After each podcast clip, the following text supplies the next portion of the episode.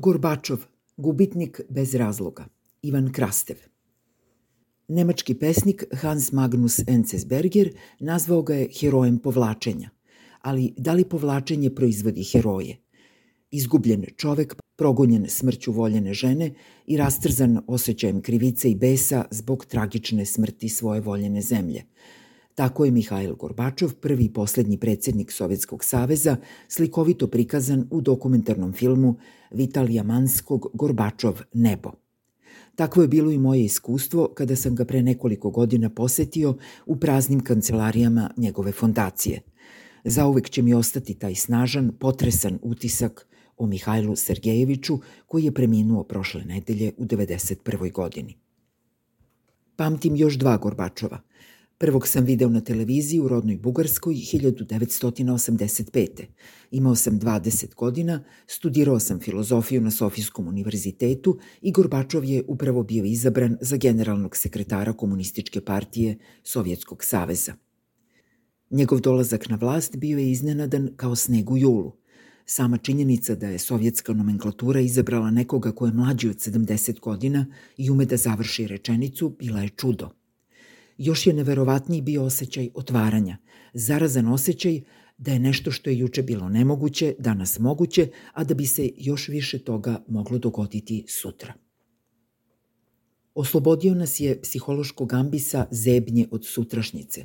Čitavo moje političko sazrevanje odvijalo se u senci ovog fenomena Gorbačova.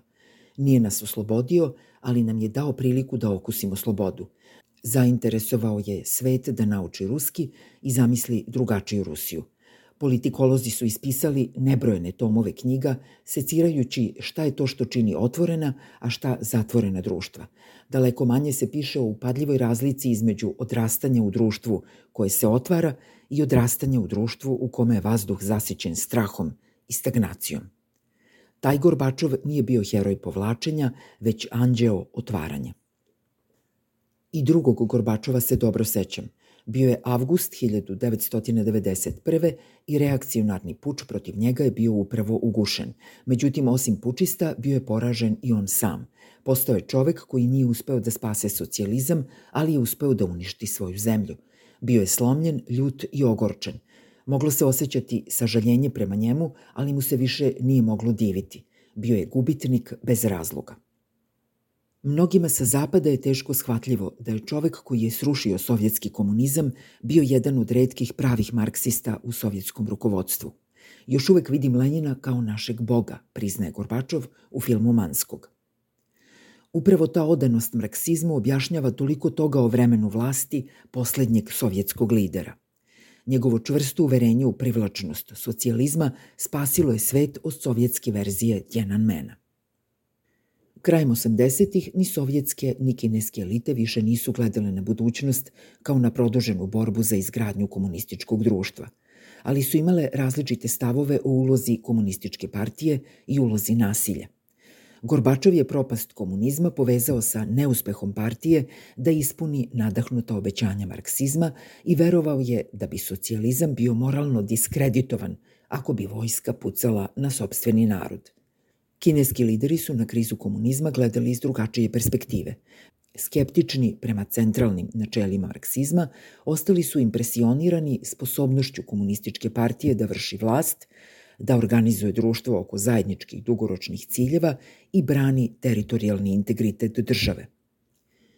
Gorbačov je verovao da je komunizam propao jer nije uspeo da izgradi socijalističko društvo – Za kinesko rukovodstvo komunizam je uspeo jer je partija uspela, uprkos zastrašujućim prilikama, da ujedini državu i društvo, a da istovremeno zadrži svoj monopol na vlast. Ne treba da nas čudi to što je prema tvrdnjama najmlađeg sina Denga Xiaopinga, Ji Fanga, Deng smatrao Gorbačova idiotom. Vladimir Putin razmišlja kao Deng i zato je bio suviše zauzet da bi prisustvovao sahrani poslednjeg sovjetskog lidera. Po mišljenju Gorbačova, liberalni poredak Zapada bio je najbolja šansa da Sovjetski savez preživi, posebno u trenutku grozničave nacionalističke mobilizacije. On je želeo da se pridruži Zapadu i želeo je da Zapad spase njegovu zemlju. To se nije desilo. Osećao se izdanim, Možda ga izdao Zapad ili prirodna potreba ljudi za nezavisnošću i slobodom, a možda i sama istorija. U dokumentarcu Manskog Gorbačov kaže da će ga sledeće generacije u Rusiji ceniti drugačije od današnje, prikovane za ekrane sa Putinom na njima. Da li je to samo obmana istorijskog gubitnika ili proročki uvid heroja povlačenja? Pre godinu dana moj ruski kolega, profesor na jednom od najboljih moskovskih univerziteta, rekao mi je da je iznenađen koliko njegovi studenti drugačije doživljavaju poslednjeg sovjetskog lidera u odnosu na generaciju svojih roditelja. Ne krive ga za kolaps imperije, rekao mi je, jer Sovjetski savez nije bio njihova zemlja. Naprotiv, dive se njegovoj hrabrosti da se suprotstavi sistemu i dostojanstvu mirnog odlaska sa vlasti. Neki od tih studenta su danas na prvoj liniji fronta, kako će se posle ratnog iskustva sećati poslednjeg sovjetskog lidera. Da li je za njih pravi vođa onaj koji započne rat ili onaj koji ima hrabrosti da okonča besmisleni rat. Od kako sam saznao za smrt Gorbačova, opseda me pitanje da li su za merenje značaja političkih lidera rečnici korisniji od istorijskih knjiga i istraživanja javnog mnjenja. Zbog Gorbačova smo zapamtili dve ruske reči – perestrojka i glasnost. Ušle su u sve evropske jezike i pišu se isto kako se izgovaraju na ruskom. Od Vladimira Putina smo naučili samo jednu reč – siloviki.